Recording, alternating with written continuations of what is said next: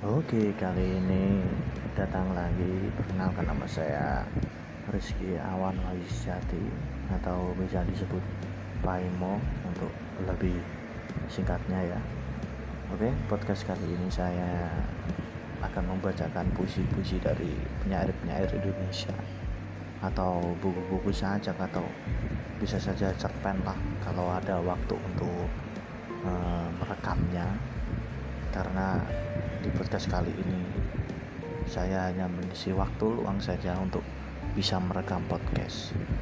Terima kasih. Jika ingin mendengarkan bisa dibuka lewat Spotify, Google Podcast atau Anchor. Ya, semoga dapat menghibur kalian semua. Terima kasih. Jangan lupa pakai headset ya jika mendengarkan.